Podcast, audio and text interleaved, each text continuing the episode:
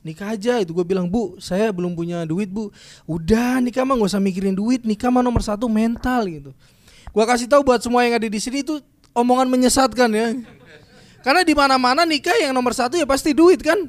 Bayar dekorasi bayar salon bikin baju batik buat saudara dari Jawa kan pakai duit semua anjing.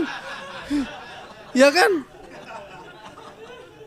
Misalnya nel nelpon ini nelpon catering ya kan nelpon catering gitu. Halo ini dengan catering saya mau pesan rendang buat seribu orang kira-kira berapa ya?